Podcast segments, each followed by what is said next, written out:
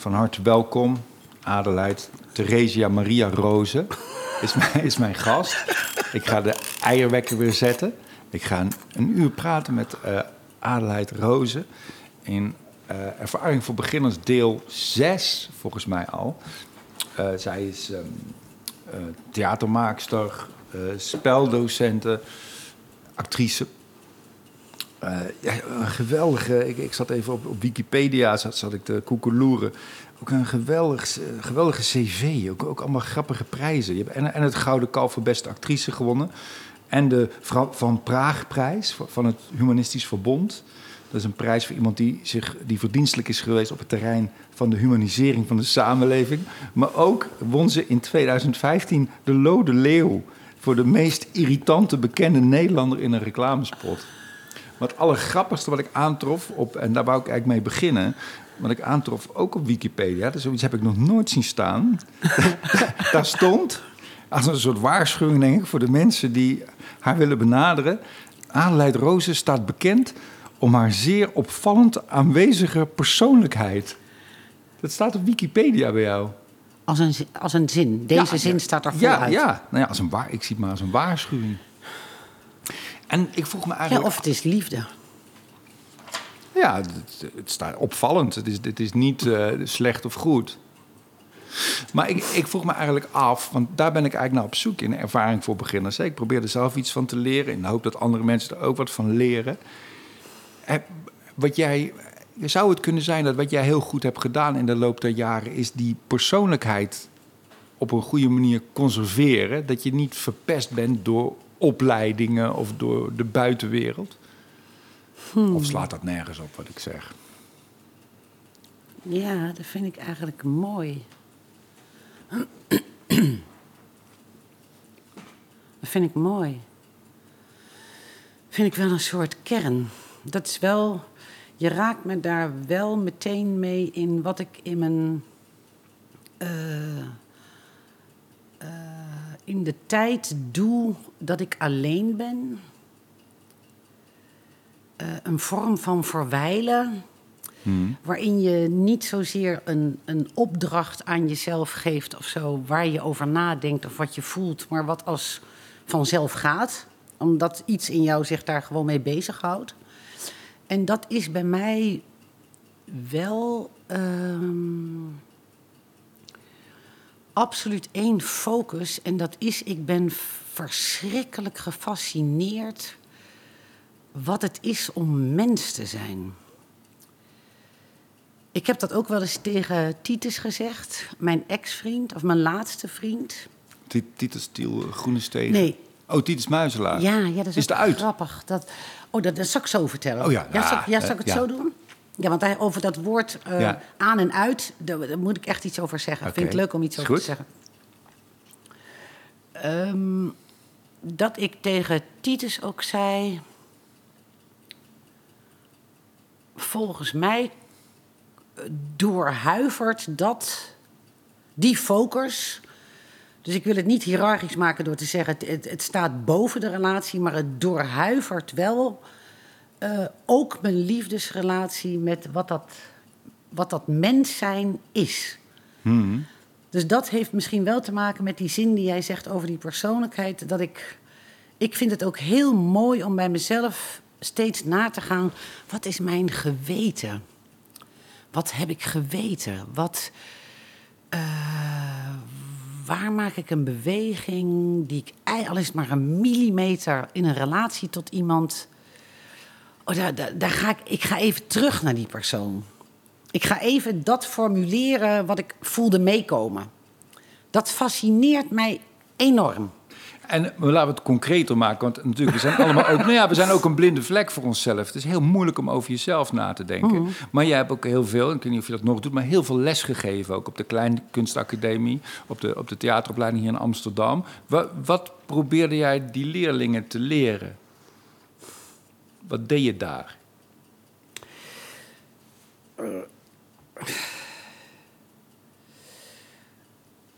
autonomie als eerste en als tweede, wat ook mijn doorlopende struggle is, um, hoe verhoudt de autonomie zich tot een samenlevings, laat ik maar zeggen, systeem of tot een grid. Hmm.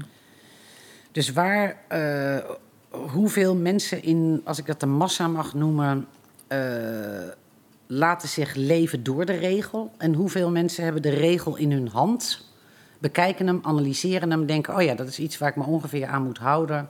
En gebruiken hem, maar zijn zelf in charge met wat ze doen en hoe Hmm. ze handelen.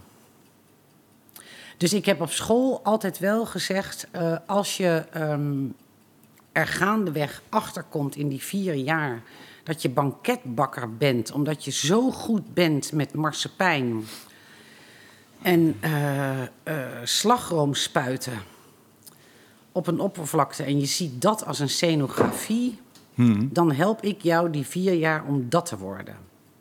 Maar dan moet een leerling al weten wat hij wil en wat hij is, eigenlijk. Ja, maar ik bedoel daarmee, ik bedoelde het extreem aan de, uh, of als een soort eindfocus neer te leggen na die vier jaar. Daarvoor maak ik wel alles vrij door, jongens, niet zo hard gaan en uh, de ambitie een beetje temperen, want we zijn pas in september, Ja. de eerste maand, weet je wel. Je hoeft nog niet af te zijn. Nee, exact. Ja. Maar ik, ik, ik, ik, ik bedoelde wel met aan te geven dat een, eh, dat een schaal met petit voertjes in een etalage zetten ook eh, de performance is. Hmm. Dus dat het heel anders kan uitpakken dan dat je denkt. En, dat je, en eigenlijk om je op die autonomie te wijzen. En ben je, daar zelf, ben je daar zelf in geslaagd voor je gevoel om die autonomie te. Nou ja, volgens mij is dat ook een eeuwige worsteling, toch? In hoeverre je moet aanpassen aan je medemens of aan het systeem waar je in verkeert. En in hoeverre je helemaal asociaal, en dan bedoel ik asociaal zonder, zonder oordeel eh, te kunnen zijn. Dat is best ingewikkeld, toch? Ik vind dat in ieder geval heel ingewikkeld. Ook omdat op het, op het podium wordt dat heel erg gewaardeerd. In een gezin of in een relatie eh, niet zo. En bij eh, vrienden zit dat er een beetje tussenin. Ja, ja, dat is wel zoals je het. Zeker denk ik in de, in de beginjaren van je leven eh, ervaart. Dat vind ik wel een mooie driedeling. Daarom zijn wij misschien ook dat podium opgegaan. Ik vind dat podium altijd wel een vrij plek om het werkelijke experiment uit te kunnen voeren. Oh ja, op dat podium. Daar kan ik even aan uit. Mhm. Jouw vraag over eh Titus Muizelaar. Ja.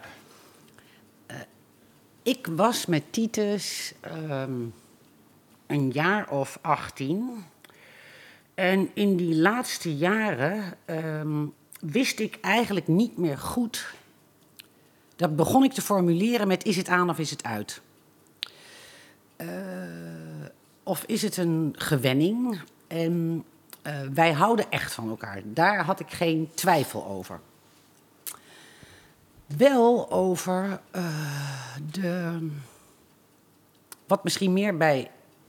Wat misschien net meer. Ik chargeer een beetje. Wat misschien net meer bij vrouwen ligt. En net iets minder bij mannen. Maar daar kan jij dadelijk lekker over tekeer gaan.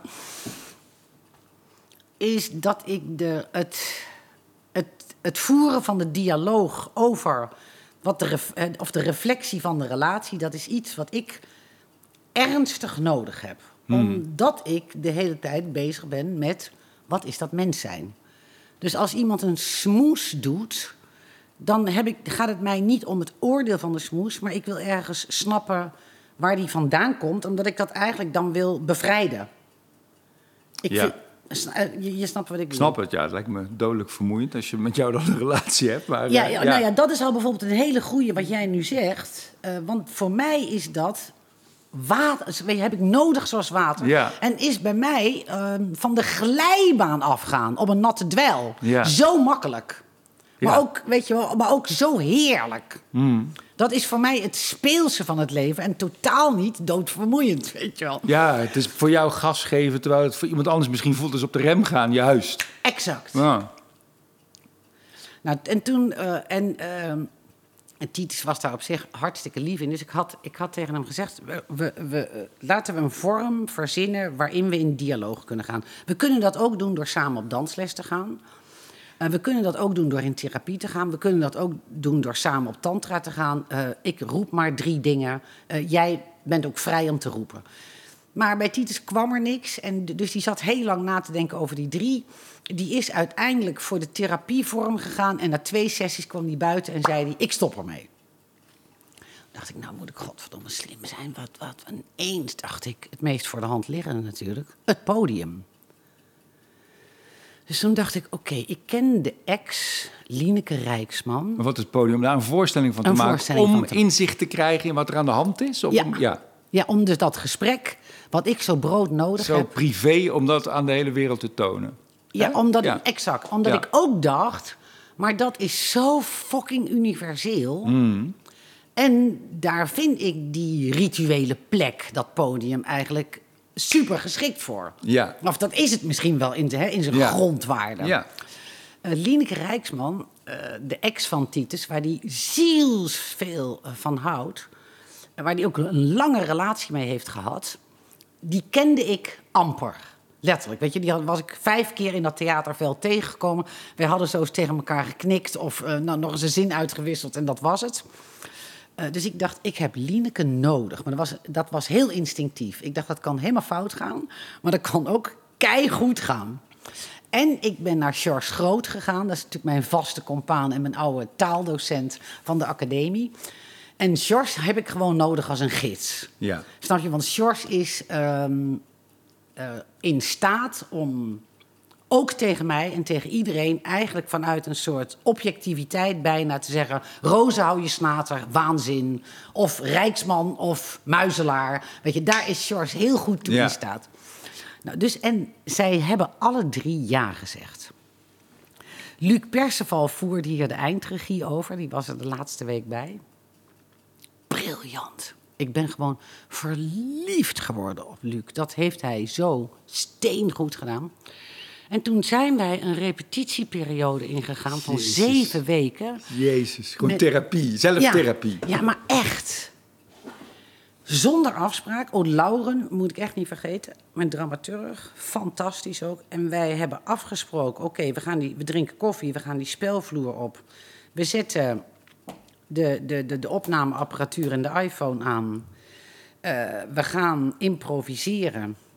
We gaan s'avonds, niet als een wet hoor, maar zo min mogelijk contact hebben. Dus dat je niet denkt, ik, ik wissel dit nog even met die of die uit.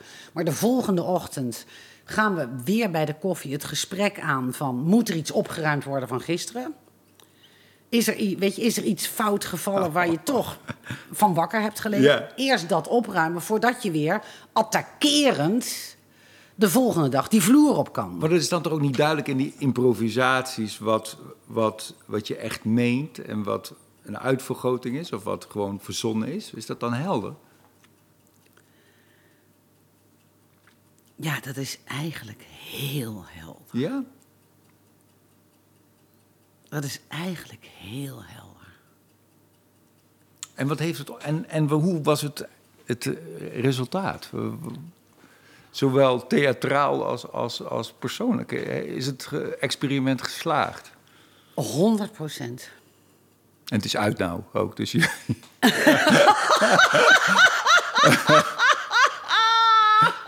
Geslaagd, dus je gelukt om hem te dumpen op een hele ingewikkelde manier. Je hebt verdomme subsidie gekregen om die gast te dumpen. Dat is eigenlijk wat er gebeurd is. Oh, Theo, gruwelijk. Oh, gruwelijk deze zin. Oh, was deze zin maar niet blijven hangen. Maar wel een hele goede zin. Oh, nee, nee, het was natuurlijk... Eh, nee, het was, het, het was natuurlijk... Waarom het zo... Waarom ik zei 100% heeft, heeft te maken met dat het zo eh, liefdevol is gebeurd. Zo, laat ik maar zeggen, schoon of zo... Eh, vijf mensen, waaronder dan ook de dramaturg in een repetitieruimte, die ehm, zo eervol omgaan, inclusief hun eigen kwetsures. Dus door eigenlijk tijd, laat ik maar zeggen, niet te rekenen of niet, in een, niet met tijd om te gaan. Maar gewoon in de ruimte aanwezig te zijn en jezelf te laten verleiden of hortend en stotend en stotterend niet tot het verwijt te komen, maar naar jezelf terug te keren en te zeggen: Maar dit doet mij eigenlijk vreselijk pijn. En, ik, en het eerste wat in me omhoog komt is het oordeel. Maar dat eigenlijk mee uitspreken, waard- waardoor je natuurlijk bewustzijn genereert. Eh, nou, oh ja, en dan heeft Luc. Luc Perceval heeft een, eh, een, een heldendaad verricht. Door die heeft drie dagen met ons zitten kloten. Door eh, ons gewoon, nee, dit, eh, eh, doe het nu even op die manier. He- heeft daar helemaal niet over gesproken. Oké, nu wil ik dit zien. en wij zwoegen met die teksten en doen. En dan weer in die opstelling, dan weer zus, dan weer met vierde wand, dan weer zonder vier, alles. En toen heeft hij, kwam hij op de vierde dag binnen. Geniaal, geniale vondst. Ehm, muziek. Hij zei tegen de geluidsman: Nu heb jij een volledige taak van een uur en veertig minuten. En hij, hij deed twee ingrepen. Eén met de muziek. En dat was: Hij zei: De muziek wordt voor jullie, dat kun je aan en uitzetten. Dat mag je gebruiken om de ander te stoppen, om de ander te sarren, om de ander lief te hebben, om na te denken. Maar het gaat er alleen maar om dat je elke zin oprecht laat aankomen. En direct reageert, of als je de muziek ervoor nodig hebt om de boel te bevriezen, te denken, er te schofferen, het uit de weg te gaan of zoiets, dan heb je daar de muziek voor. En die mag een ander, dus jij, hè, stel wij doen dat met z'n tweeën, mag jij ook, als ik hem uitzet, mag jij hem meteen weer aanzetten. Ja, En dat leverde een dynamiek op van hardop denken, als het ware, door die muziek. Dat was geniaal. En hij zei: Je mag never, nooit met deze voorstelling de tekst spelen op dezelfde plek. qua choreografie. Ja. Of- ja. Dus wij hadden een zaal, eh, laat ik maar even zeggen, we zitten nu in Toemler. Eh, dat er gewoon honderd stoelen eh, als, een, als een wild veld eigenlijk door elkaar heen stonden eh, met afstand. En daar liepen wij tussendoor. Of ik ging bij iemand op schoot zitten, of Ja. pakte dan ook iemand, soms weet je, iemand zijn armen om, om mij gewoon vast te houden als Ja. het pijn deed. Of... Fantastisch. Zo. Fantastisch. Is dat in de kern theater? Het is ook een soort alchemie misschien om van rauwe pijn en van eh, allerlei werkelijkheidsbelevingen om daar iets van te brouwen, toch? Wat, waar, je, waar je wat aan hebt. Of duiding. En waar andere mensen wat aan hebben. Is, is, is dat het in de kern? Of, of is het... Ja, dat vind ik een, vind, vind ik een goeie. Vooral ook wat je, waar je mee begint, met de alchemie. En, je, en in mijn eh, beleving... ehm, is dat van oorsprong... het fundament volgens mij van waaruit eh, theater is geboren. Als ik denk aan de zeepkist eh, toen we nog geen sociale media hadden, en dan heb ik het over eeuwen terug, dat een bode moet rennen van het ene dorp naar het andere en dan op de zeepkist gaat staan en het dorp bij elkaar roept, dan is dat het vertellende verhaal. Wat bijvoorbeeld gaat over de iemand heeft de macht overgenomen en de koning onthoofd en het leger komt eraan. Eh, dan leer je natuurlijk iets over eh, macht en communicatie en wraak. Dat is eigenlijk, ja, dan zou je kunnen zeggen, dan is, als je het woord therapie gebruikt, zou je zeggen, ja, maar dan is alles therapie. Oftewel, alles is reflectie. Ja, maar het kan ook roddel zijn. Ik denk dat je in die tijd ook marskramers had die van dorp naar dorp gingen en die iets te verkopen hadden.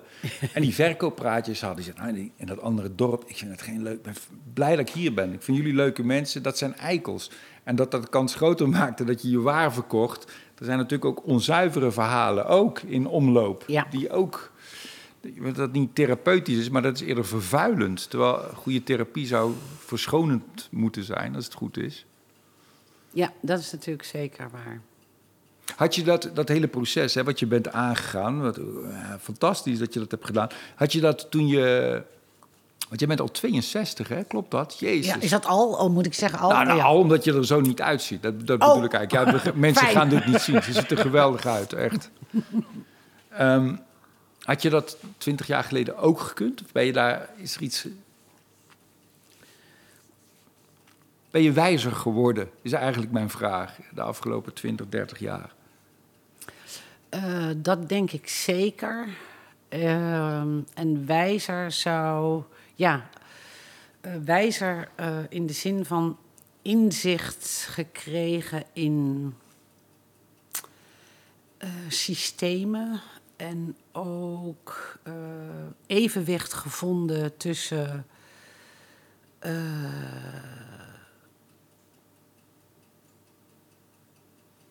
mijn woede op structuren en eigenlijk daardoor buiten de systemen gaan staan en, en de systemen als een vijand zien. En dat eigenlijk meer als een heelheid. Dus, dus de, de, daar waar je het systeem zou willen breken, ook de liefde en de schoonheid voor het systeem gaan ervaren of gaan voelen of daarmee werken. En dan meer in een heelheid kunnen denken: nee, jongens, maar dat is. Dus laat ik zeggen. Of maak ik nu mijn zinnen niet goed af? Eh, liefdevoller en radicaler. Wat er overblijft, dat je schiet met minder hagel. Ehm, je jacht is meer op één punt waarin het zich verzamelt. En daar zit dan je radicaliteit. Maar dat wordt wel gedragen door mijn hart, omdat ik niet meer het verwijt voel. Hmm. Weet je, maar dat ik denk, oh ja, deze mensen zitten ook vast in dat systeem. Ja. Dus die moeten ook aangeraakt worden om te kunnen smelten. Maar het is min- eigenlijk minder dualistisch, minder denken in goed Ja. en slecht. Ja, Ja. Maar het is wel hetzelfde als dat die autobiografie... daar ben ik eigenlijk wel al vanaf de academie mee begonnen. Hmm.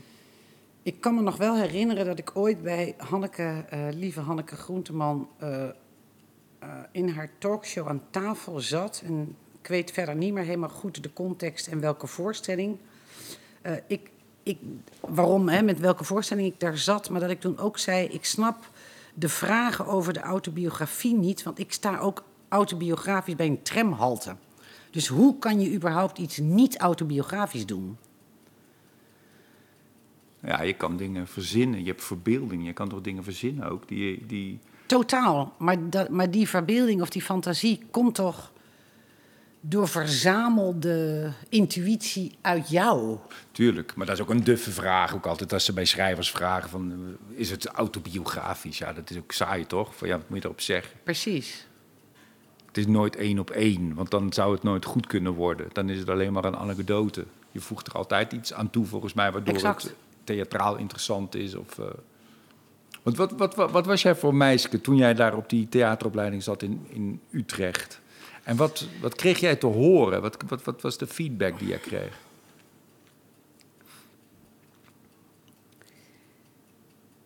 Werd jouw onstuimigheid gestimuleerd of probeerden ze dat in te tomen, hoe, hoe jij was?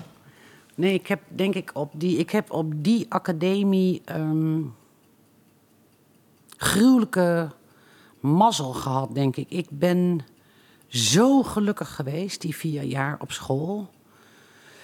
Eh, ik, kwam uit wel, ik kwam wel natuurlijk uit een situatie, eh, vooral eh, de relatie met mijn moeder, wat ik met terugwerkende kracht, wat je wel echt een, een, ja, een vorm van gevangenschap zou kunnen noemen.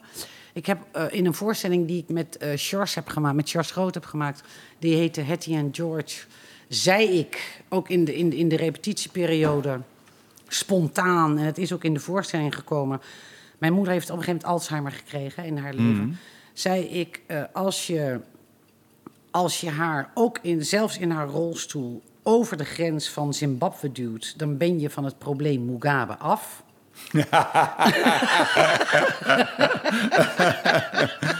wat, wat, wat voor type was zij dan? Nou, ik denk, mijn moeder had, en dat zie je natuurlijk vaak bij eh, macht. Mijn, eh, en daarna zei ik ook, ze zou de kogel hebben gekregen, Ja. maar ze maakte zich er niet druk om. Ja, onverschrokken. Ja, het was haar gelijk. En als ze dan daarna boem doen, nou, dat is hun probleem eigenlijk. Ja.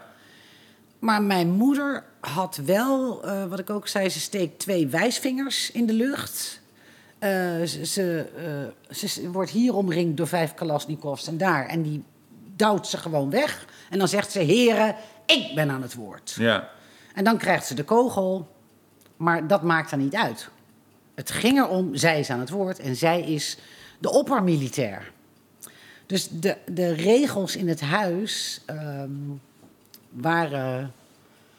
Ja, dat was een regime. Zo, ja, heavy shit. Ja, ja dat, was, dat is echt. Als je, met, als, je, als je natuurlijk ouder wordt, dan denk je op een gegeven moment: oh, dan ga je dat eigenlijk pas zien. Of zo. Ja. Dus die academie was voor mij een, een, een vrijheid. Of weet je, dat was een, een korenbloemenveld met klaprozen. 360 graden waar ik draaide. En Theo, ik kon het niet geloven. Ja. Ja, dat- Dus als je dan, als je docenten. Ik heb toch heel vaak ook, omdat ik echt. Mijn moeder sloeg heel veel tegen mijn kop. Dus als mensen zwaaien naar mij, heb ik heel lang die tik gehad. Weet je, dat ik mijn hoofd dan. Mijn hoofd deed gewoon dat als een reactie. Terwijl niemand Ja. me aan het slaan was. ja. Eh, en, dat, en dat je op school, dus dat je docenten had die zeiden: Kom binnen, ga even zitten. En dat ik was helemaal in paniek, van angst voor, ik weet niet wat voor straffen. En dan, eh, weet je, helemaal geladen, adem ingehouden. En dan voerden zij een gesprek. Zij voerden een gesprek met mij. Nou, Theo, dat was voor mij gewoon een nieuwe wereld. ja. Dus ik, ik heb in die vier jaar millimeter van millimeter eigenlijk mijn adem kunnen loslaten. En, en is het ook, zou je ook kunnen zeggen dat je da- daar ook je. Ik kan me voorstellen, als je leidt onder zo'n regime, dat je ook niet helemaal mag bestaan. En dat je op zo'n opleiding langzaam leert dat je, dat je er wel mag zijn en dat je mag bestaan en dat je iemand bent. Is dat ook wat er gebeurde? Ja, en dat, en dat, dat, dat keert zelfs op mijn 62ste, keert dat nog regelmatig terug. Dus dat wordt wel het fijn, dat is misschien ook wat jij zei van die, waar je mee begon met de openingszin. Opvallend aanwezige persoonlijkheid.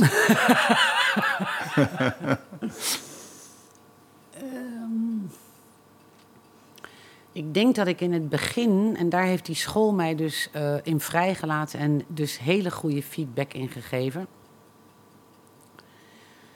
ehm, is dat het onstuimige en het temperamentvolle volledig mocht bestaan. En dat ze met zachte hand eh, mij de spiegeling daarvan gaven. Hmm. Eh, en ik denk dat eh, voor in mijn hele kind zijn dat de aanval voor mij als overlevingsmechanisme de beste verdediging is geweest naar mijn moeder. Dus eh, en ik denk ook dat ik ehm, slechts één ding heb kunnen beschermen. Voor de rest, de- de- mijn moeder was dus nou ja, daarin echt, echt een oppermilitair. Eh, en ik heb volkomen instinctief en ook heel onbewust ge- mijn autonomie beschermd. Ja. Daar is waar ik al mijn levensenergie aan heb gegeven. Ik heb op de een of andere manier dat binnenste van een zijnstoestand die ergens vermoedde wat vrijheid was of zo. Hmm. eh, daar heb ik geen gedrag op aangepast. Ik ben niet gaan pleasen, ik ben niet gaan aanpassen. Ik heb een keihard gevecht gevoerd. Maar dat ben ik wel daarna blijven voeren totdat ik in de gaten begon te krijgen dat dat helemaal niet meer nodig was. Dat iemand zwaaide in plaats van sloeg. Hmm. Snap je? En dat is, da- daar krijg je dan balans, daar krijg je zicht. Dat komt in evenwicht, waardoor ik liefde heb kunnen vinden voor dat systeem. En heb je al geleerd, zodat ik onderbreek, heb je Nee, al geleerd, nee. ja dat klinkt wel heel eh, therapeutisch, maar heb je al geleerd dat je er Ik ook, hou ervan. nee, maar dat je er ook mag zijn als je niet opvallend aanwezig bent? Is het Ja, goeie. Ja, hele goede vraag. Hele goede vraag. Want dat is- begint nu te spelen. Ik kan me voorstellen dat het ook dwangmatig wordt. Dat je dan, ik mag er zijn. En dat je, Eh, zo heb ik. Het het zou kunnen dat ik over tien jaar bij je terugkom. Hè, dat zou kunnen. Hè? Het zou kunnen, dat, want dat weet ik gewoon niet, dat ik over tien jaar bij je terugkom en zeg: Hé hey Theo, dat was een goede zin, die bleek het te zijn. Maar zoals ik het tot nu toe op mijn 62ste. na- 62, ongelooflijk. Ik zeg het nog een keer. Ongelooflijk. maar we gaan door. Eh, waar, waar zat ik nou toch ook alweer? Sorry, mijn fout. Nee, nee, nee, dat vind ik altijd leuk. Nee, dat vind ik altijd leuk. Nee, dat is ook altijd goed. Dat je denkt, oh, je bent even van je pad. Eh, want dat pakt altijd weer, dat, pakt, dat pad pakt altijd weer een ander pad. Nou, het, ik, ik, ik, zei eigenlijk van... de- daarna verneukte ik een beetje door, door het weer slechter te formuleren. Maar eh, heb je al geleerd dat je er ook mag zijn... zonder opvallend aanwezig te Oh ja. zijn? Ik denk dat voor een deel, eh, laat ik het maar even temperament en talent noemen. Ik denk dat voor een deel eh, het die mijn, werkelijk mijn autonomie is. En niet gevormd als, of misvormd eh, door mijn jeugd of de relatie met mijn moeder. Maar, een, maar werkelijk in mijn, in mijn ziel zit. Hmm.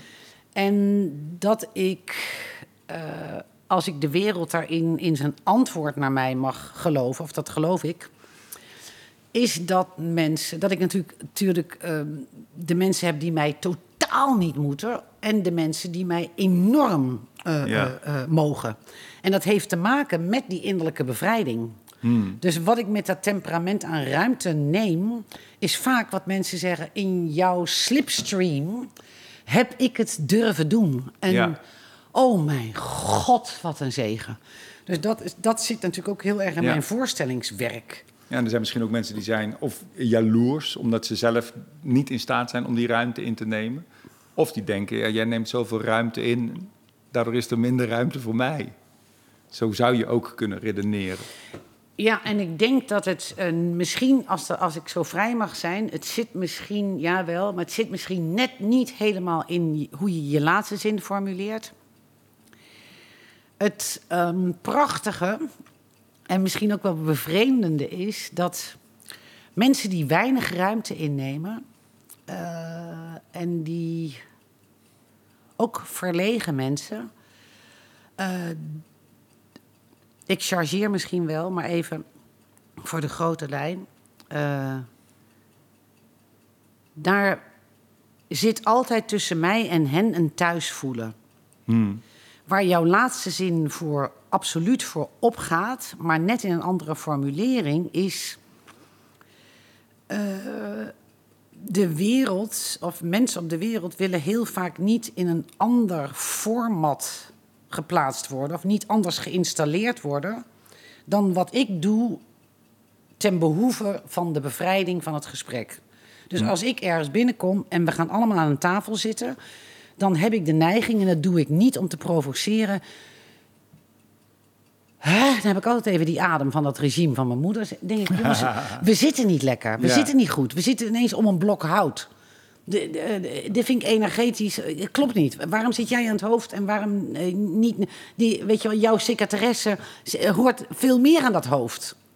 Want zij leidt dat verga Hmm. deze vergadering eigenlijk. Of weet je, dus dan breek je door hiërarchieën heen of Ja. door disciplinaire afspraken heen. Ja. En die mensen die eh, zeggen vaak dat temperament van adelheid, dat, is, dat vind ik lastig. Ja. Of dat wil ik niet. Of, en als ze daarin niet smart zijn, dan krijg je het oordeel naar je kop Ja. van ze neemt de ruimte. En wat ik heel moeilijk kan uitleggen, en waar, maar dat gaat bij mij onverschrokken door, is dat de zogenaamd gemaakte afspraken in de wereld nemen, onder andere, maar bij heel veel mensen in mijn leven, enorm veel aandacht en ruimte in, weet je wel. Ja. Dus ik probeer natuurlijk heel vaak dat in de dialoog te brengen die zogenaamde afspraak die bepaalt mijn hele uur dat ik met jou in gesprek ben. Alleen die is zo geaccepteerd door iedereen. Die, die kunnen we dus blijkbaar niet bevragen. En als ik hem bevraag, ben ik degene die de ruimte Ja, inneemt. Ja, Nou ja, dat verweer landt heel vaak niet. Dat Ja. verweer, eh, dat wordt, snap je, daar zit, heel, daar zit niet heel vaak intelligentie als antwoord op. Hmm. Nee, dan krijg je ook denk ik vaak dingen die altijd zo... de, de, de, de argument van we doen het altijd zo hier, of dat is nou eenmaal zo. Of, eh, Ja, die. ja. ja, daar kan je niks mee. Wat, wat zou je, heb jij heel concreet advies voor, eh, stel dat er nu mensen luisteren die eh, ook op zo'n theateropleiding zit, opleiding zitten, of dat ambiëren, of jonge theatermakers, waar, waar, waar moet je van, wa- wat zijn goede lessen?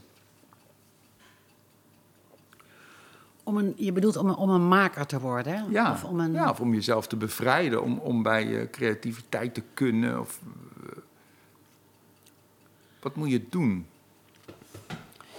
Eh, kind blijven.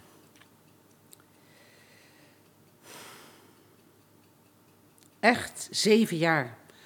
Of vier, of twaalf, of zestien. Of... Maar zoiets. Dat heeft bij iedereen net een andere dynamiek. Eh, wat ik bij, heel vaak bij ook een van mijn oefeningen in de klas is, die werkt altijd zo ontzettend leuk is ehm, studenten bewust maken van het feit dat als ik een opdracht geef en ik heb hem geformuleerd, dan ontstaat er direct een eerste flash. Jij krijgt een eerste beeld. Jij ziet bijvoorbeeld een vijver met, weet je wel, met exact 16 zwanen. Weet je wel, je ziet daar eh, een seringenboom boven en je hoort een motorzaag. Dat weet je wel, dat, je, je hebt een eerste beeld. Ja, Pats, daar is die. En dan ga je de opdracht uitvoeren en dan ga je bij dat beeld weg. Dus uiteindelijk kijken we eh, in die scène met z'n allen, met dat hele publiek, eh, als de voorstelling af is. Weet je, heb je daar nog één zwaan, die is dan van karton. Eh, die Ja. motorzaag is een slappe melodie op een piano geworden. ja. Eh, die seringen, ja goed, ja, dat is dan een beetje in decor terechtgekomen. En weet je wel, die Ja. elementen. En als ik bij studenten, dus dan, denk, dan voeren die studenten dat uit. Dan denken ze dat ik ze op die scènes ga beoordelen. Maar dan ga ik, die scènes laat ik eigenlijk. En dan ga ik met hun het gesprek voeren over wat is er overgebleven van je eerste beeld. ja. Dat is volgens mij het beste wat ik kan meegeven, omdat dat in mijn eigen leven als een. Mijn leven is eigenlijk in die zin een soort open atelier. 24 uur. Ja, ja, ja zo voel Ja. ik het wel. Van een doorlopend experiment van denken en voelen. Eh, en die beelden, die eerste kinderbeelden honoreren. ja. Zo heb ik ook, toen ik bijvoorbeeld, ja, dat zit bij, bij, bij heel veel voorstellingen, maar dat is hetzelfde eigenlijk als dat aan uit eh, met Titus. Dan, dan krijg ik op een gegeven moment eigenlijk vanuit, een, vanuit het leven, denk ik, wat kan Titus aan als die eh, de dansles, de tantra en de therapie afwijst als vorm en hij kan zelf geen andere vorm hij komt niet op iets wat hem veilig maakt. En ik daarna ineens dacht, wat ben ik een sufferd. Want hij heeft het podium. Dus Ja. dat heeft hij gekozen voor leven. Dus dat, Ja. moet, hè, dat is zijn veilige plek. Dus daar heeft hij iets maar 30 seconden over nagedacht. En zei, doe ik. ja. Dat was de telefoonconversatie, weet je wel. Dus die... Ja, dat is een hele goede. Volgens mij is dat een hele goede tip. Ik heb, ik heb ooit een, een documentaire gezien over Robert Crump. Dat is een, een, een striptekenaar die ik heel erg bewonder. En die, vertel, ja. en die vertelde ook over zijn broers. Zijn broers waren ook hele getalenteerde striptekenaars. En die, toen ze klein waren. En die volgden een, een, een eh, schriftelijke cursus eh, tekenen. En die broer, die, eigenlijk, ja, die was alleen nog gekker dan hij. Daardoor, daardoor heeft het niet gemaakt. Maar die kreeg een opdracht van zijn leraar kreeg hij een, een tekening van een naakte vrouw en die moest hij aankleden, moest hij kleren bij tekenen. Dat was de opdracht. En wat deed hij nou? Hij tekende geen kleren, hij tekende alleen twee van die eh, eh, borsteltjes op, op, de, op, de, op de tepels en een piepklein slipje. En allemaal mannen eromheen en een soort podiumpje, dat is een striptease danser. En allemaal mannen die met uitpuilende ogen naar haar keken. En volgens mij is dat ook heel vaak goed om op een interessante manier niet te voldoen aan de opdracht. Exact. Vond ik ook heel mooi hoe hij dat... Dan denk ik, ja, dat is wel briljant om, om dat zo te doen. Ja, je kan braaf kleren tekenen. En dat is natuurlijk ook heel moeilijk. Maar dat is iets anders. Dat is geen creativiteit. Nee, maar nou, ja, precies. Maar nou zeg je eigenlijk iets heel, eh, iets, van, van mij iets heel moois. Want, dat is, eh, want dan gebruik je de opdracht, en dat is hetzelfde waar ik bij de structuren tegenaan loop. En natuurlijk van vroeger bij mijn moeder. Dan gebruik je de opdracht, net zoals in mijn ogen de regels bedoeld zijn, om je fantasie en je autonomie te laten openklappen als een krokus. Dus je gebruikt een regel om jou Ja. zelf te kunnen formuleren. Ja. Ja. En daarin, dat gaat helemaal niet over egoïsme. Heel veel mensen zijn daarin, naar mijn idee, goed. Ze zijn bezig zichzelf te formuleren binnen een bepaalde zingeving, zal ik maar zeggen. Of om, om zichzelf te spiegelen. Het mens zijn te vinden. Wie ze zijn. En dat doet deze gast ook. Hij krijgt een opdracht en Ja. daardoor komt zijn beeld van de striptease. Hé, hey, hoe kijk ik naar seksualiteit? Ja, dat is ook zo'n interessante wetmatigheid waar ik wel in geloof. Het is ook een cliché, maar het is ook waar. Dat hoe, hoe persoonlijker iets is, hoe universeler. Ja. Dat, dat, dat geloof ik ook Ja. heel erg. Waar, mag ik jou iets vragen? Ja, je mag alles vragen. Oh, oh leuk, oh, leuk. Waar loop jij nou, eh, als ik dat vertel, hè, over man-vrouw... of over die, dat ik daar ook weer van kan leren... Waar loop jij nou in de relatie tegenaan bij man-vrouw... Waar, waar jij het verschil voelt, weet je, dat je denkt... oh ja, maar dat begrijpen Jezus, ja, vrouwen dat is wel een vraag. Dat ik, ja, ik wil daar best in alle oprechtheid op antwoorden en over nadenken. Maar daar ben ik wel... We hebben maar een uur, hè? Ja, dat is waar. Maar je bent natuurlijk ook heel instinctief. Ja. Ja, nou ja, ik denk, ja, ik weet het in zijn algemeenheid, weet ik niet. Bij jou heb ik wel een paar ideeën dat ik denk, Jezus, ja, je moet af en toe, ik zou als ik een relatie met jou zou, zou hebben, zou ik ook denken, zou ik ook willen afspreken dat je ook af en toe je, je, je, je kop zou houden. ja, ik vind dat een te moeilijke vraag om, om, ik loop tegen zoveel dingen aan ook zelf. Hoe oud is jouw kind? Ik heb twee, die zijn 8 en 12. Nee, ik bedoel jouw kind. Oh, ik. Ja, ik zelf. ehm, ja, ik ben ook denk ik 17 of zo, 16, 17. Met- alle problemen van dien. Je, puberaal, oversext. Al pinter, wat de kinderen van 17 ook zijn. En dat die dingen dan moeten jong leren. Ik heb het ook niet makkelijk, Adelheid. Mijn moeder was ook... eh, ik denk bij jou wel, ik denk het vaker en ik denk het over mezelf ook. Maar hoe had jij in godsnaam buiten de theaterwereld kunnen functioneren? Dan was je hartstikke, dan was je gek geweest, joh. Je hebt ook geluk gehad dat je dat gevonden hebt, volgens mij. Ja, kun je- bij mezelf denk ik nog wel eens, nou ja, dan was ik misschien wel een geinige fysiotherapeut geworden of zo. Maar bij jou kan ik me helemaal niks, niks anders voorstellen, weet je wat? Ja. Ja, ik denk ook dat je daar echt gelijk in hebt. Ik volg je helemaal en ik snap, ik snap ook alles wat je, wat je zegt. Maar ik zit natuurlijk ook een beetje in dat wereldje. En ik, we lijken misschien ook wel een beetje op elkaar. Maar jij bent dat ook wel in verhevigde vorm. Want het is natuurlijk ook een soort van waanzin. Die, die vorm, nou ja, niet een waanzin in mijn, in mijn optiek. Maar eh, ik vrees dat, dat an- andere mensen, daar, als, je daar geen, als je daar niet theatraal vorm aan kan geven... dat, dat, het, eh, dat mensen het misschien wel zo zouden betitelen.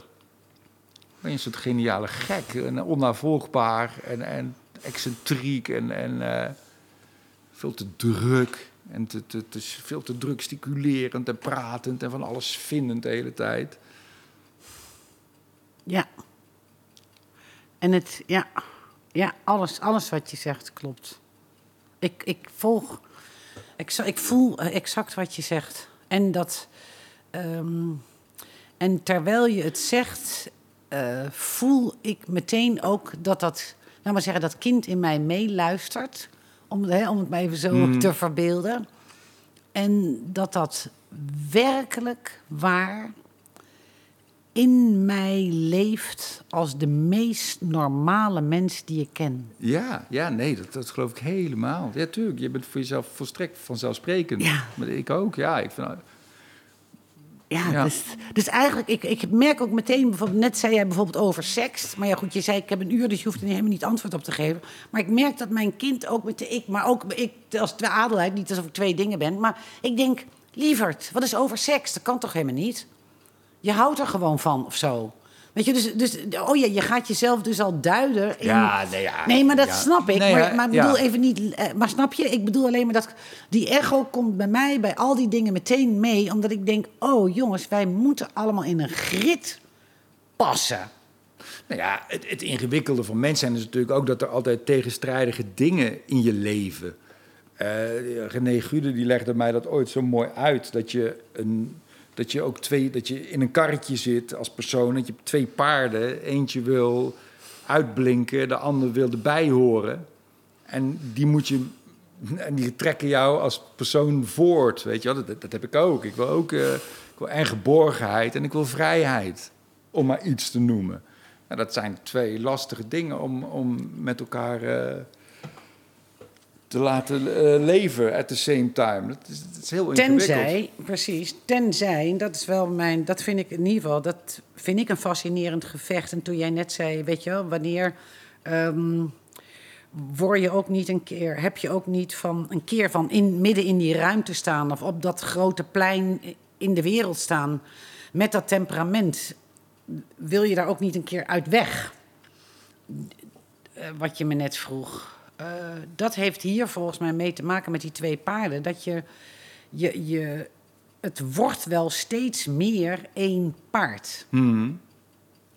En, dat, en of, ik dat, of ik dat voor mijn dood meemaak, eh, zeker niet mondiaal, maar misschien wel op micro-microniveau, is dat, je, dat deze vraag die je stelt super terecht is. En dat mijn antwoord, elke, maar dat is ook een kinderantwoord, steeds is: ja, tenzij wij, kinderen zoals jouw kinderen op die leeftijd, eh, opvoeden met eh lieverd.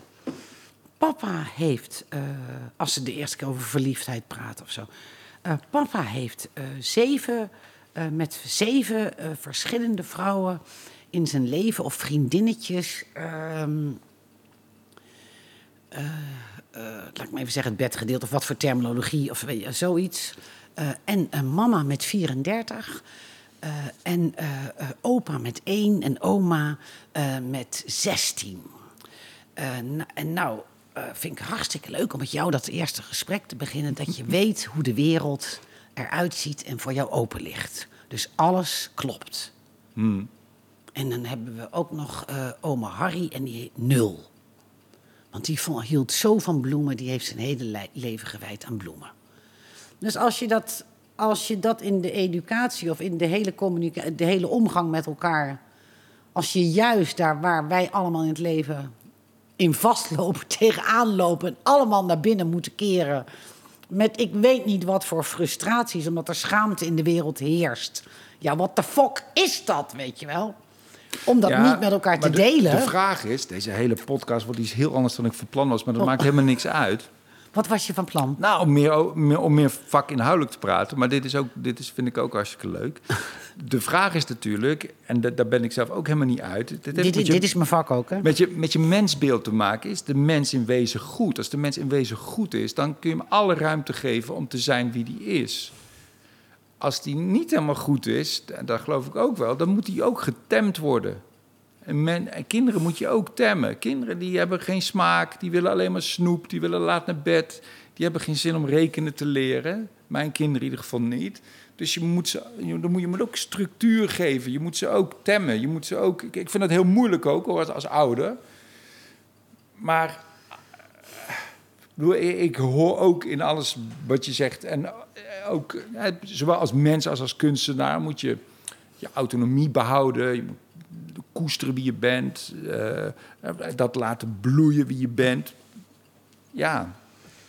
Ik weet niet of dat voor iedereen is weggelegd. En ik weet niet of daar de wereld beter van wordt. Als iedereen maar lekker gaat zitten bloeien en zijn wie die is. En of dat, of dat wel functioneert. Ik, weet het niet zo goed. Of ben ik nou te sceptisch? Nee, nee, je, eh, nee, helemaal niet. Ehm, Wie gaat dan de boekhouding doen, man? Niemand Eh. wil er eigenlijk boekhouding doen. eh, jawel. Ja, dat geloof ik ook wel. Ja, Mensen absoluut vinden wel. cijfers ook leuk. Zijn hebben ook cijferfreaks die dat echt leuk vinden. Nou, je, je, eh, mijn mijn ehm, idee daarover is altijd... ehm, ik zeg er even voor de helderheid bij... Het heeft voor mij geen flikker te maken met reïncarnatie of zo. Ik hou me nooit bezig met waar kom ik vandaan of waar ga ik naartoe. Eh, ik weet niet, dat, dat boeit mij of fascineert mij op de een of andere manier totaal niet. Het maakt me niet uit, ook niet of eh, dat ik oplos. Ik ga maar uit, ik kom uit een oplossing en eh, ik ga naar een oplossing, weet je wel zo. Eh, ehm, maar wat me altijd fascineert, is dat ik denk. mijn verbeelding, kan mijn verbeelding beelden maken, helemaal uit zichzelf, die ik nooit heb gezien? Dus die niet op deze aarde bestaan. Kan dat? Ik denk het wel. Ja, dat is, dat is dus heel interessant. Dus is er iets wat ik, er, wat ik als mens ergens vandaan kan vangen? Als je ervan uitgaat dat je dat ergens vangt of opvangt? Het Of... is raar, dat in alle culturen zijn er draken. Hè? Terwijl draken bestaan natuurlijk helemaal niet. Maar op allerlei plekken en allerlei culturen verzinnen mensen draken. En engelen ook. Exact. Het is gek, toch? Ja. Dus, daar, dus, daar, dus daar, daar, daar zit iets waar, ehm, laat ik dat even noemen, dat zijn, laten we dat even voor het gemak eh, planeten noemen of zo. Of eh, eh, ergens landschappen die er, zo, die er ergens in je verbeelding bestaan. Wat jij net zei van die kinderen, daar, die, daar moet je het, of je zei niet, daar moet je het temperament uit weghalen. Dat maak ik ervan. Temmen, zei ik. Temmen, temmen, exact. Temmen. En daar schrik ik dan natuurlijk meteen van.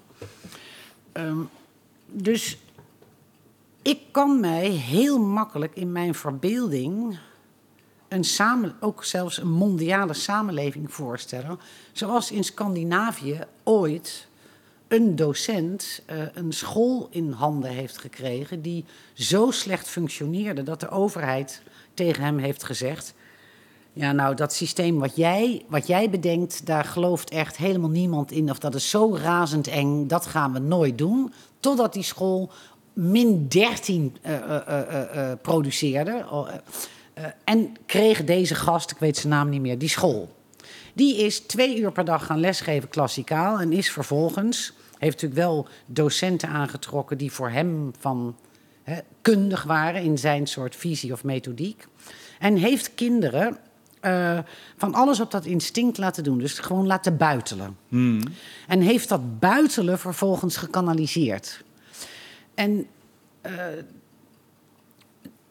verder, eh, eh, één dan één ander voorbeeld waar ik... eh, Ja, want ik ken ook voorbeelden van sectes en in de jaren zestig... waarin kinderen een beetje aan hun lot werden overgelaten. Die gaan uiteindelijk eh, konijnen martelen en marmotten, mar- marmotten martelen en zo. Kinderen hebben helemaal geen Ja, maar het is- geweten en die weten niet wat goed en fout is. Ik- ja, maar het gaat niet, het gaat niet zijn over... super egocentrisch, kinderen. Ja, maar het gaat niet over. Jij, jij, jij, jij komt, eh, jij komt met twee voorbeelden van. eh, nu zeg je aan hun lot overgelaten.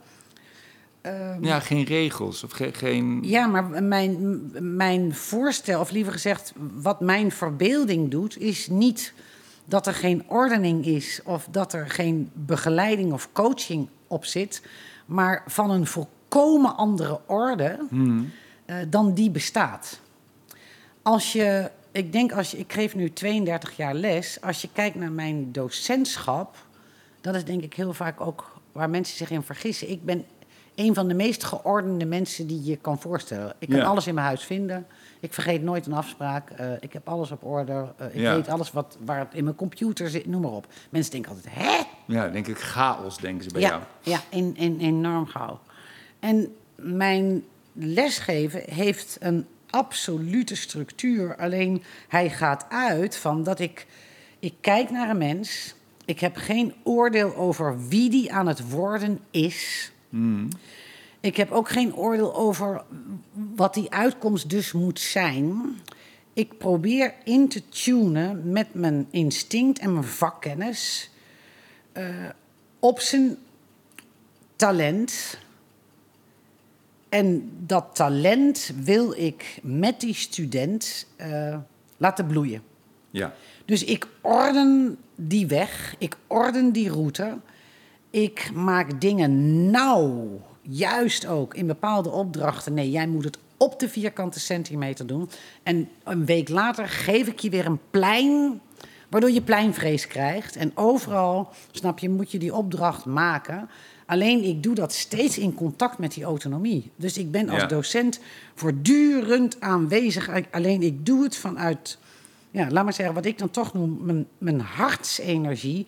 Met een enorme lading vakkennis van regels. Ja.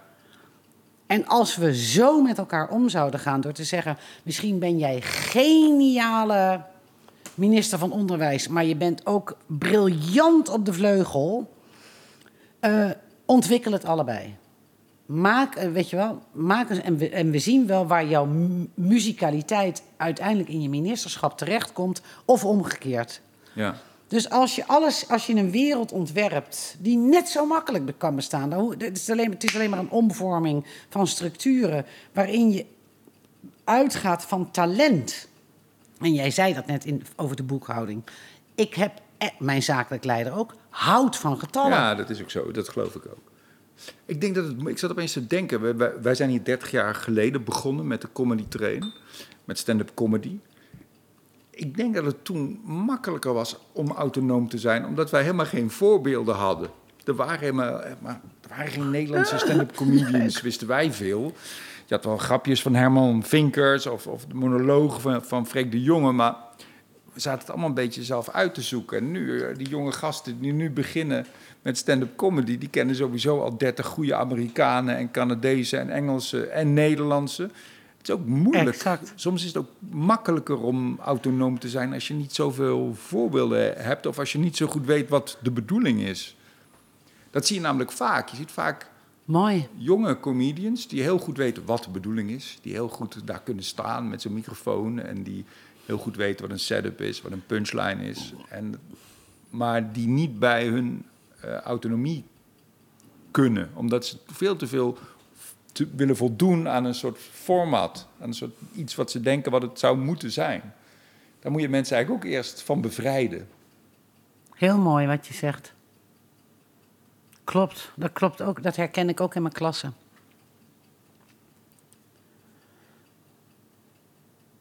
Dat is hetzelfde als ehm, het gevecht met een ijdele acteur. Hmm. Dat is een, an, dat is een ander proces. En wat is, daar het, wat is daar de moeilijkheid? Dat is als er ijdelheid in de, in de weg zit, neem ik aan. Ja, dat, en dat is hetzelfde als dat het, als dat het format zo goed gekend is. Ja, Dan, dat zijn allebei eigenlijk muren. ja, En zonder dat er bewustzijn bestaat over dat, dat er een muur is. Dus dat zijn vaak, beide partijen zijn vaak mensen die makkelijk op dat podium dat gaan staan doen. En je hebt altijd even een lichte strik, omdat je denkt, oeps, ze hebben geen vraag aan een docent of aan als jou als coach. Eh, ze stralen uit, nou, dit was eigenlijk best goed. ja, En dan moet je dus ergens aan gaan zitten peuteren. Omdat je, omdat je denkt, ja, dat zie ik ook exact. Dat er absoluut zelfs iets heel goeds in zit. Alleen, het lijkt alsof je in een vaas bloemen bent. Maar de vaas moet ik kapot timmeren. Maar dan flikkert het water eruit. En dan hoop ik niet dat de bloemen opdrogen. ja, Weet je wel? Dus het proces zit. Je zet iemand even. Je zet bij iemand de bloemen droog. ja, Dat is een heel delicaat werkje. ja. Het visje wat naar lucht gaat happen. Ja, ja, Ja. ja, exact. Ja, exact. Ja, ik, denk, ik denk altijd, het is een stokpaardje voor mij. En ik geloof daarin dat om een goede maker te worden, of een goede cabaretier, of maakt niet zoveel uit wat. Maar eh, zijn er twee dingen tegelijkertijd eh, heel erg nodig. En je hebt veel zelfvertrouwen nodig en veel twijfel. En voor die twijfel heb je natuurlijk ook weer zelfvertrouwen nodig. Maar, de, en het is heel, maar dat zijn ook weer twee tegengestelde krachten die Ja. tegelijkertijd aanwezig moeten zijn. Het Ja. is heel lastig om dat te, Ja, te of om dat te maken. Ja, dat, is echt waar, Theo. Dat Want is mensen echt waar. die alleen maar heel erg overtuigd zijn van zichzelf, dat wordt ook heel gauw heel lelijk. Och, Nou, hoe? ik wou net zeggen, blijven huilen als een kind, wou ik net zeggen. Werkelijk je verdriet daarover voeden. Dat is wat ik echt nog vaak heb. En waar, waarover? Dat, Over, deze, over dit, wat jij, dit dilemma wat jij nu neerlegt. Hmm. Dat eigenlijk niet, vol, niet je, vol, je volwassenen spelen. ja, ja. Weet je, maar dat, Ja. dat- eh, ik, ik heb nog echt regelmatig groot verdriet. Kinderverdriet eigenlijk. Hmm. Over dat dit nog steeds niet bij elkaar is gekomen.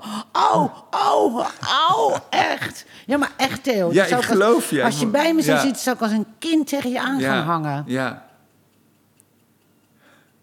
Ik vond het een waanzinnig gesprek. Dankjewel, Adelheid. Het is, eh, dankjewel. Ik hoop dat jij het ook niet eh, onprettig vond. Ik vond het, ik vond het heerlijk. Ik, jij bent een enorm fijn. Ik ga meteen nog een keer. nee, maar ik bedoel in een andere, in een andere, in een, in een andere gelegenheid. Heerlijke vragen stellen ben jij. Dankjewel. Fijne praatpartner. En ik ga ook mijn kop houden, hè, wat je net zei.